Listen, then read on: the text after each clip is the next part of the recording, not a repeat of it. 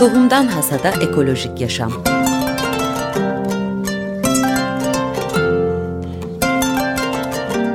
Hazırlayan ve sunan Buğday Ekibi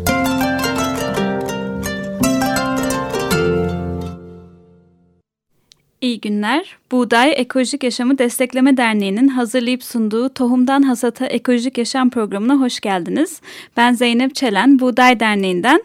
Bugünkü konuğum WWF Türkiye'den Doğa Koruma Yönetmeni Ayça Aksoy. Hoş geldin Ayça. Merhaba. Teşekkürler geldiğin için. Ee, biz iki haftadır kuraklık konusunu işliyorduk. Bugün üçüncü hafta, evet. e, üçüncü cuma. E, ve bu sefer... E, WWF'in yaptığı yani sizlerin yaptığı bu e, su ayak izi raporunu ve gizli su tüketimini konuşmak istedik günlük hayatımızda. Bilmediğimiz bazı önemli noktalar var. Sus, susuzluğa katkıda bulunduğumuz aslında. E, biraz bahsedebilir misin? Bu su ayak izi ne demek ve su ayak izi raporu nedir? Tabii ki e, biz WWF Türkiye olarak 2014 yılında Türkiye'nin suyu ayak izi raporunu hazırladık. Su ayak izi aslında bizim alışa geldiğimiz, kullandığımız e, su kaynaklarını ölçmek için kullandığımız gö göstergelere alternatif bir gösterge diyebilirim. Ve bu e, göstergeyi de uluslararası kabul görmüş bir metodolojiyle Türkiye'ye uygun olarak Türkiye'nin su ayak izi raporunu hesapladık. E, su ayak izi dediğimizde ne de e, ne kastediyoruz? Aslında bildiğiniz gibi biz günlük yaşamımızda işte içmek için temizlik, ondan sonra e, tuvalet, banyo gibi ihtiyaçlarımız için farklı ölçeklerde su kullanıyoruz. Ama bu hesaplama bu aslında bizim kullandığımız suyun sadece bir miktarı. Su ayak izi bize bütün üretim ve tüketim süreçlerinde kullanılan suyu gösteriyor.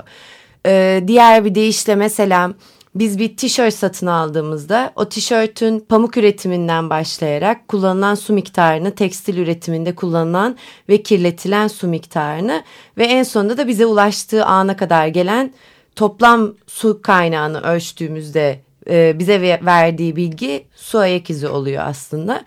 E, gizli su dediğimiz veya sanal su olarak ifade ettiğimizde bu bir birim e, bir ürün için veya bir e, diyelim ki tüketilen bir ürün veya bir e, tişört, bir elma olsun, bu bir domates olsun gibi ürünler için bunu litre cinsinden ifade ettiğimiz miktar. Mesela az önce dedim bir tişört, bir tişört bizim e, bize ulaşana kadar üretim sürecinde neredeyse 2000 litrenin üstünde su kullanıyor. Tek bir tişört mü? Evet. Tek bir tişört 2000 litre su. Evet. Çok evet. Yani sus e, suyu ıı, fazla kullanmıyorum derken aslında her aldığımız tişörtle e, bayağı evet, su kullanmış nevi. oluyoruz. Tabii. Öncelikle burada çok farklı şeylere bakmamız gerekiyor. Belki o aldığımız tişörtün nerede üretildiği, nasıl bir su kaynağı üzerinde etkisi olduğu gibi aslında çok daha farklı sorular sormaya başlıyoruz kendimize. Bunu mesela hep e, bize sorarlar. Bir sabah kahvemiz işte bize ulaşana kadar aslında biz 300-400 mililitre su değil 140 litre su kullanıyoruz bir bardak kahve. Bir bardak kahve 140. evet litre. 140 litre su kullanılıyor deniliyor. Peki biz sabah kahvemizden vaz mı geçeceğiz artık kahve içmeyeceğiz anlamına mı geliyor bu? Aslında e, fark dediğim gibi kendimize farklı sorular sormaya başlıyoruz. O kahve nereden gelmiş, nasıl yetişmiş? Ondan sonra eğer sütlü bir kahve ise onun o süt veya diyeyim hani hayvancılık nerede yapılıyor? e, yemle mi besleniyor merada mı? Ondan sonra şeker koyuyor muyuz? O şeker pancarı nerede yetişiyor gibi. Aslında sorularımız böyle arka arkaya gidiyor. Çünkü bir ürünün su ayak izinin yüksek olması her zaman kötü bir şey değil. Sadece nerede nasıl bir etki bıraktığını e, incelememiz veya biraz daha sorgulamamız önemli. O zaman yani kuraklığa katkıda bulunuyor mu ya da değil mi gibi bir soru. Evet veya e, diyelim ki bir ürün satın aldığımız o suyun çok bol olduğu bir havzadan geldiğinde etkisi çok daha kısıtlıyken çok daha kıt bir yerde su ayak izi düşük bir ürünün su kaynakları üzerine çok daha fazla bir etkisi olabilir. Peki Türkiye'nin su ayak izi ne durumda? Türkiye'ye baktığımızda ee, genel olarak. Tabii ki şimdi bize su ayak izi aslında tabii ki böyle milyar metreküp cinsinden ne kadar su ayak izimiz olduğunu gösteriyor. Ama bunu böyle ifade etmek yerine çok basit bir şekilde e, biz bir ülkenin su ayak izini hesapladığımızda e, öncelikle belli bir oranda ürettiğimiz ürünleri ülke içerisinde ürettiğimiz için bir iç su izimiz oluyor. Ama her ürünü de Türkiye'de tüketmediğimiz için bir kısmını ihraç ediyoruz.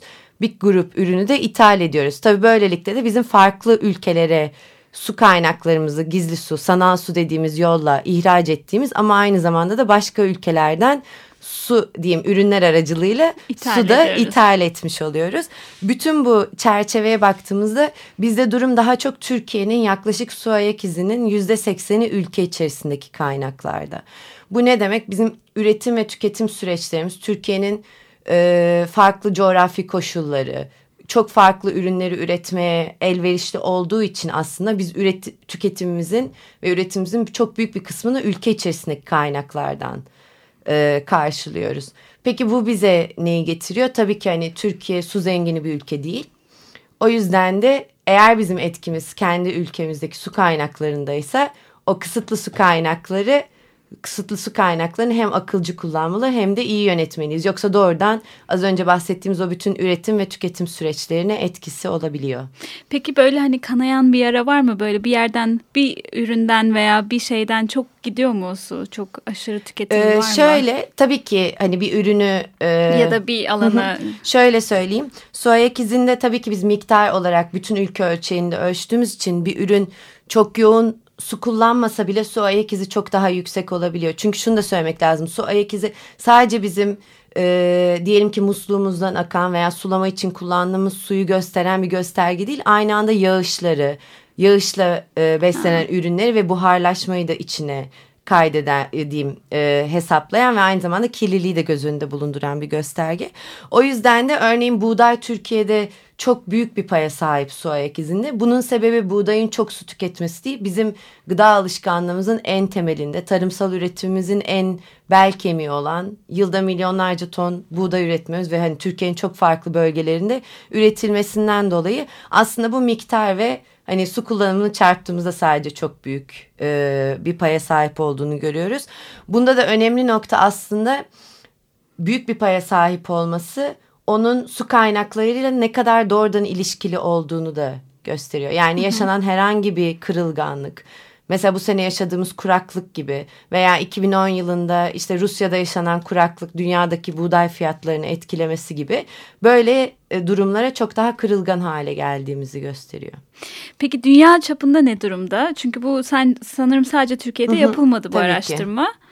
Diğer ülkelere göre ne durumdayız? Tabii ki. Ee, şimdi her ülkenin tabii ki durumu Kendi. birbirinden çok daha farklı. Kendi bacağından asılıyor diyebiliriz belki. evet. Ee, şöyle e, WWF aslında dünyanın farklı bölgelerinde çalışıyor ve su ayak izi konusunda da yoğun bir şekilde çalışıyor. Ve her su ayak izi raporunun veya diyeyim hesaplamasının yapılmasının farklı bir amacı var. İşte biz Türkiye'de daha çok bu su ekonomi ve hani Türkiye'de suyun e, farklı sektörlerdeki rolünü ön plana koymak için böyle bir rapor hazırladık. Mesela İsviçre'de e, bildiğiniz gibi İsviçre Avrupa'nın su şatosu olarak bilinir. İşte sokaklarında çeşmeler her yerinden sular akan su zengini bir ülke olarak bilinir. Ama aslında su ayak izine bakıldığında nasıl bizim su ayak izimizin etkisi ülke içerisindeki kaynaklardaysa İsviçre'nin durumunda da bütün yüzde sekseni yani etkisinin yüzde sekseni ülkenin dışındaki kaynaklarda. Yani İsviçre'de tüketilen her ürün aslında dünyanın farklı bir köşesinde işte Türkiye'de, Afrika'da, Avrupa'nın başka köşelerinde veya Güney Amerika'daki bir su havzası üzerinde bir etkisi var. Bu da o ülkenin e, su zengini olsa bile aslında su kaynaklarına karşı ne kadar farklı ba, e, bir ilişki kurduğunu gösteriyor. Keza İngiltere'nin durumu da öyle. E, aynı şekilde İngiltere'de çok su yoğun olarak bilinen bir ülkedir ama etkisinin çok büyük bir kısmı ülke dışındaki kaynaklarda. Hmm, tamam. O zaman biz şimdi kısa bir müzik arası verelim. Ee, müzik arası bittikten sonra bu e, su e, ayak izi raporunu biraz daha detaylı konuşalım ve bireyler olarak ne yapabileceğimizi konuşalım. Çünkü sırf musluğu kapatmakla olmayacak bu iş. O çok çoktan belliydi. Hı hı. Daha detayına gireriz. E, müzik arasından sonra e, Doğa Koruma Yönetmeni, WWF Doğa Koruma Yönetmeni Ayça Aksoy ile konuşmaya devam edeceğiz. Kar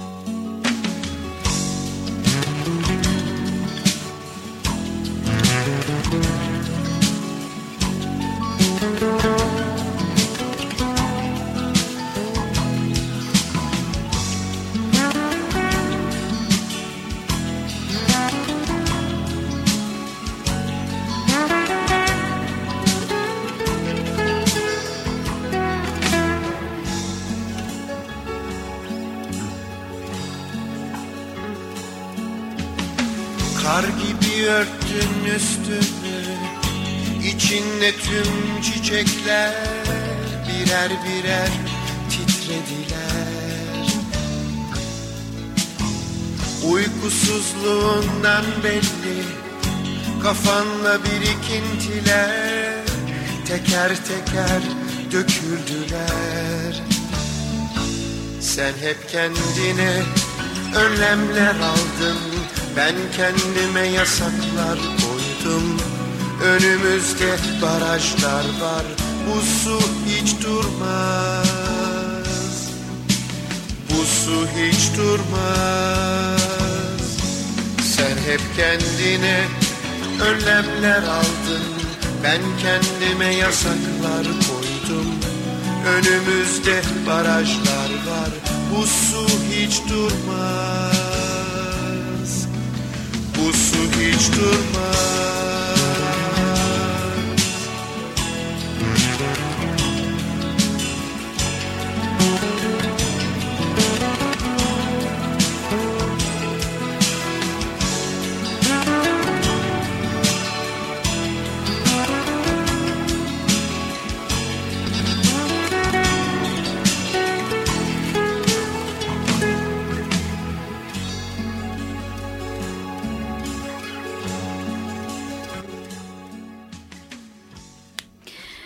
Tohumdan Hasata Ekolojik Yaşam programına devam ediyoruz. Bülent Ortaçgil'den Bu Su Hiç Durmaz'ı e, dinledik çünkü e, konumuz kuraklık. E, WWF Türkiye'den Ayça Aksoy e, konuğum ve ayak izi raporunu konuşmuştuk ama şimdi kısa bir telefon bağlantısı alıyoruz. Buğday Derneği Eş Genel Müdürü Gizem Altınlens hattı. Merhaba Gizem. Merhabalar nasılsın? İyi sen nasılsın? Teşekkür ederim çok mersi. E, süper. Şimdi biz aradan önce şeyi konuştuk bu gizli su tüketimini ve e, Türkiye'nin su ayak izi raporunu. Ona birazcık -hı. daha sonra gireceğiz ama e, senden bir bireyler olarak ne yapabileceğimizi sana bir sormak istiyorum. Evet, e, şimdi işte e, WWF'in de söylediği gibi bir e, gizli su e, tüketimimiz var. Yani tüketim alışkanlıklarımız aslında şu anda susuzluğa en çok sebep olan şeylerden bir tanesi. E, rakamları konuştunuz mu bilmiyorum ama e, mesela bir kilo pamuğun üretilmesi için 10 bin litre su harcanıyor gibi inanılmaz rakamlar söz konusu. Çok büyük rakamlar yine işte e, bir elma için veya bir benzin için hatta bir kilowatt elektrik için geçerli. Dolayısıyla aslında işte dişlerimizi fırçaladığımız, bulaşıkları yakadığımız su mutlaka önemli ama biraz da aslında tüketim alışkanlıklarımıza dönmemiz e, gerekiyor sorunun kaynağını bulabilmek için. E, bunun yanı sıra biz e, Buğday Derneği olarak e, yazın başından beri kuraklığın olduğunu e, ve aslında bu kuraklığın da kalıcı olduğunu yani hani bu e, şu anda belki e, dönemsel bir şey olarak işte bir sonraki sene kurtarırız vesaire gibi şeyler olarak düşünülüyor ama ne yazık ki bu doğru değil. Yani e, küresel iklim değişikliğine baktığınız zaman e, Türkiye'nin de içinde bulunduğu Akdeniz havzasında giderek yağışlar düşecek. Dolayısıyla bizim hem bireysel e, hem de e, büyük çapta yani şirketlerin, e, hükümetlerin, belediyelerin birlikte olduğu bir e, birlikte hareket ettiği büyük bir çapta e, çok ciddi değişiklikler yapmamız gerekiyor. Biz e, Buğday Derneği olarak e, şunu söyledik yazın en başında. Bu tip uzun vadeli projelerin mutlaka yapılması gerekiyor. Ama şu anda yani bu yazı geçirebilmemiz için bu suyun bizim yaz sonuna kadar yetebilmesi için e, bizim bireysel olarak yapmamız gereken şeyler nelerdir? Yani en büyük su tasarrufunu evde nasıl yapabiliriz diye bir araştırma yaptık. Ee, buna baktığımız zaman aslında eğer e, evde bir bahçe varsa veya apartmanın bahçesi sulanıyorsa aslında en büyük e, suyun gittiği noktalardan bir tanesinin onun olduğunu gördük. Bahçeli evlerde e, yaklaşık şebeke suyunun yaklaşık %30'u hatta bazen %40'ı özellikle de çim varsa bahçenizde çok ciddi sulamaya gidiyor. dolayısıyla aslında yapılması gereken ilk şeylerden bir tanesi çimi bahçelerinden kaldıralım. Yani çim gerçekten de kuraklığa hiç uygun bir şey değil. Hatta şu anda yine kuraklığın yaşandığı Avustralya veya Amerika'nın Kaliforniya eyaleti gibi yerlerde çim sulama pek çok yerde yasaklandı. Çünkü dediğim gibi hem çok ciddi su tüketimine sebep oluyor hem de çim için sürekli böyle bir pestisit kullanımı gerektiği için ciddi şekilde toprağı da kirletiyor. Yani sizin o çimleri suladığınız sular daha sonra bir şekilde e, su şeylerine, kanalizasyona ulaştığı zaman çok ciddi bir kimyasal kirlilik taşıyarak ulaşıyor. Dolayısıyla çimlerden vazgeçiyoruz ilk etapta lütfen. Ee, daha sonra e, yapılabilecek şeylerden yine başka bir tanesi e, yüzde kırkı banyolarda aslında kullanılıyor şebeke suyunun. E, ve bunun çok çok büyük bir kısmı sifon ve musluk kaçakları. E, sifona baktığınız zaman böyle hani pek çok sifonda ben işte şeylerde de görüyorum e, umumi tuvaletlerde yani sürekli böyle oradan bir kaçak var. E, bunu da şöyle görebilirsiniz e, çok ufak bir e, şey damlatın renkli bir şey damlatın sifonun içerisine. Eğer daha sonra e, klozete baktığınız zaman orada bu rengi görüyorsunuz orada bilirsiniz ki işte sizin de sifonunuzda bir kaçak var. Sifonlardaki ve musluklardaki kaçakları tamir ettirmek çok ciddi bir su tasarrufu gerçekten. Ee, ilk etapta yine bunu yapmak lazım. Onun dışında işte bildiğimiz gibi tuvalet rezervuarı yine banyolarda kullanılan suyun çok büyük bir kısmını kullandığı için eğer mümkünse 16 litrelik e, şeylerden rezervuarlardan işte e, daha düşük e, kapasiteli rezervuarlara geçmek lazım. Eğer bu mümkün değilse 16 litrelik rezervuarın içerisine su dolu bir pet şişe koyuyorsunuz. Dolayısıyla her sifonu çektiğinizde bir su dolusu pet şişe kadar su tasarruf etmiş oluyorsunuz. Bu da yine tasarruf yöntemlerinden bir tanesi. E, çamaşır makinesini daha az çalıştırmak önemli. E, çünkü e, şey olarak makine olarak en çok kullanılan e, yani en çok su kullanılan yerlerden bir tanesi çamaşır makinesi. Geçen gün e, şeyde gazetede okudum inanamadım. Türkiye'de haftalık çamaşır yıkama oranı 4.4. Yani dünya standartlarının 4.4 kez mi yani? 4.4 defa evet. Bir, yani bir aile. Ortalama aile ayda neredeyse haftada pardon 4 veya 5 defa çamaşır yıkıyor. İnanılmaz bir e, su ziyanı gerçekten de. Bir de zaten bizim dernek olarak sürekli söylediğimiz gibi kullandığımız deterjanlar şu anda o kadar sert ki e, yani hani e, sadece suyu tasarruflu kullanmak değil suyu kullandıktan sonra e, kanalizasyon sistemine verdiğimiz su da inanılmaz toksik bir su şu anda. Hı hı. Dolayısıyla evet. yani hem çamaşır makinesini az çalıştırmak lazım hem de çalıştırırken lütfen e, kullandığımız deterjanı kendimiz yapmamız lazım. Ben dün e, oturdum hem çamaşır makinesi deterjanımı hem bulaşık makinesi deterjanımı kendim yaptım. Tamamen doğal malzemelerden ve toplam 5 dakikamı aldı muhteşem bir şey. Süper. Ellerine sağlık. Teşekkür evet. ederim. Haftaya tamam. sonuçlarını da konuşabiliriz. Evet isterseniz. haftaya sonuçlarını konuşalım. Hatta onun tarifini de belki verebilirsin Vallahi sonra. Vallahi çok isterim. Gerçekten tamam. çok isterim. Süper. Peki başka önerilerin var mı? Biraz zamanımız kısalıyor o yüzden. Tabii ki. Ee, ha, işte mutfakta yine bulaşık makinesine geçiyorum. Ön yıkama yapmak yerine işte e, peçeteyle silip ondan sonra bulaşık makinesine koymak bulaşıkları. Sebze meyve yıkarken e, işte akan bir suyun altında altında yıkamak yerine su dolu bir kapta yıkamak. Ee, işte yıkama sularını daha sonra işte bu kaptan e, çiçekleri sulamak için kullanmak. Ee, bahçede işte söylemiştim e, çim vesaire yerine iklime uygun ve kuraklığı dayanıklı bitkiler ekmek. Yine eğer bir bahçe varsa ki hepimizin apartmanının bir bahçesi var. Buradaki hı hı. ısıyı azaltmak için mümkün olduğu kadar geniş yapraklı ve e, kuraklığa dayanıklı ağaçlar ekmek. Çünkü ağaçlar e, biliyorsunuz bir şehrin ısısını aslında düşürebilen e, yani oradaki mikroklimayı doğrudan etkileyebilen şeyler. Dolayısıyla bahçelerimize hemen gidip böyle geniş yapraklı ağaçlardan dikelim. Ee, bahçemizi eğer sulayacaksak verimli sulamak için sabah saatlerini e, tercih edelim ve bitkilerin yapraklarını değil mutlaka saplarının dibini sulayalım. Ee, diyorum yani Süper. genel olarak e, bizim yapabileceğimiz şu anda e, şeyler bunlar. Ee, uzun vadede de şunu yapılmasını öneriyorum. Ben şu anda yine e, kendi evimde bunu yapmak için araştırmalar yapıyorum ve gerçekten çok kolay olduğunu gördüm. Yağmur suyunu haset etmemiz gerekiyor artık. Hı hı. Yani dünyanın yağmurları biz İstanbul olarak İstanbul'daki e, hani vatandaşlar olarak eğer hasat edebilseydik çok ciddi bir e, kuraklık sorununa yani susuzluk evet. sorununa çözüm bulmuş. Üstelik de selleri engellemiş olacaktık. Evet. Bununla ilgili mutlaka Büyükşehir Belediyesi'nin harekete geçmesi gerekiyor. Ama ben şahsen e, belediyenin harekete geçmesini beklemeyeceğim. E, ve kendi e, sistemimi kendim yapacağım. Son derece de basit sistemler. İsterseniz önümüzdeki haftalarda bundan da bahsedebilirim. Evet çok sağ ol Gizem. E, zaten e, sanırım su hasadının bir konuyu e, bir programda işliyor olacağız gelecek çok haftalarda. Eminim. Orada Hı. yeniden seni e, ararız mutlaka. Tamam. tamam. Çok Peki. teşekkürler. Çok öpüyorum sevgiler. Görüşmek üzere. Hoşçakalın. Bay bay. E, Buğday Derneği Eş Genel Müdürü Gizem Altından susuzlukla ilgili bireysel olarak ne yapabileceğimizi söyledi.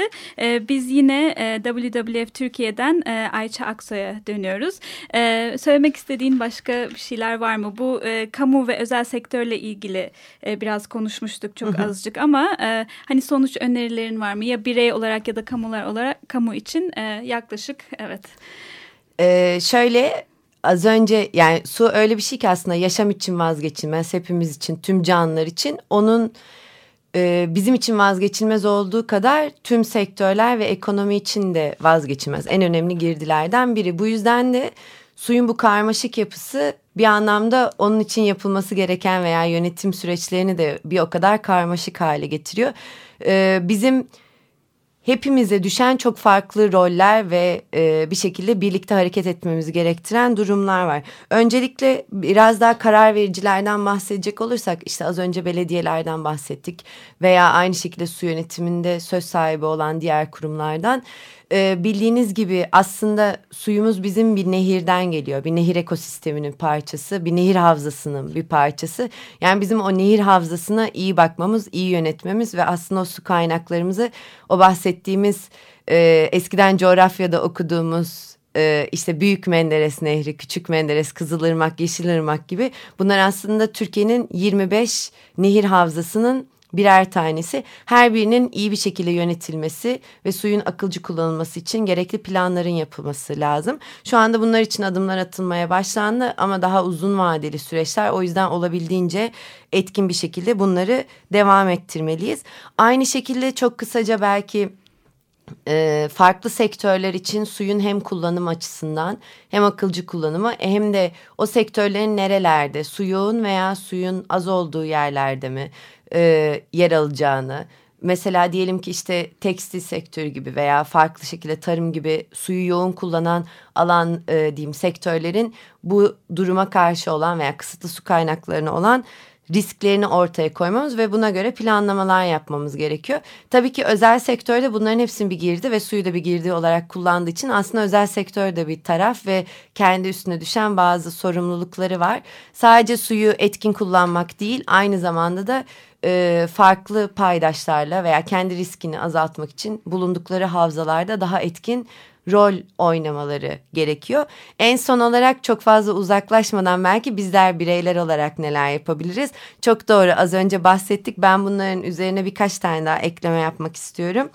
Ee, dediğimiz gibi bizim etkimiz aslında çok daha e, farklı yerlerde ve farklı bölgelerde özellikle bir bahsettiğimiz gibi aşırı tüketimden kaçınmalıyız. Kendimize sormaya başladığımız yeni sorular e, tükettiğimiz ürünlerin suyla aslında bir ilişkisi olduğunu bir şekilde ortaya koymalıyız.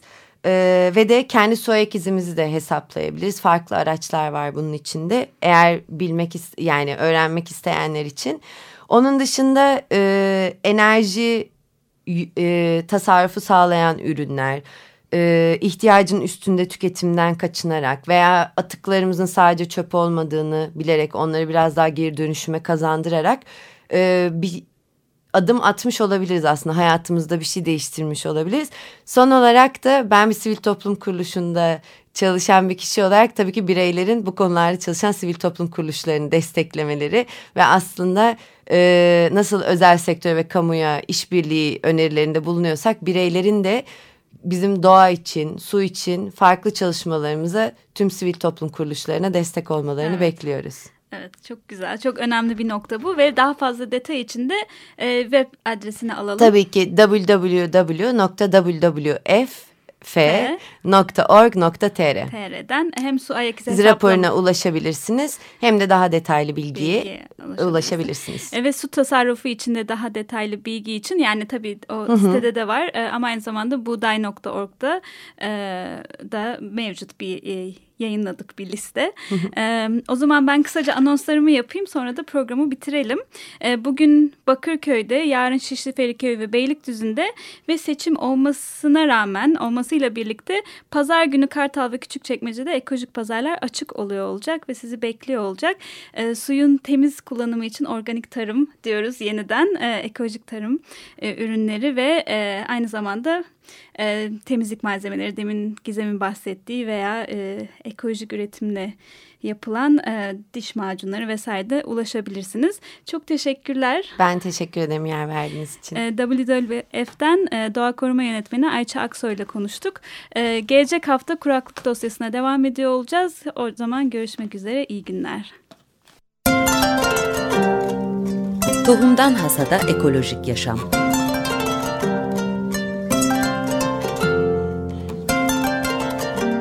Hazırlayan ve sunan Buğday Ekibi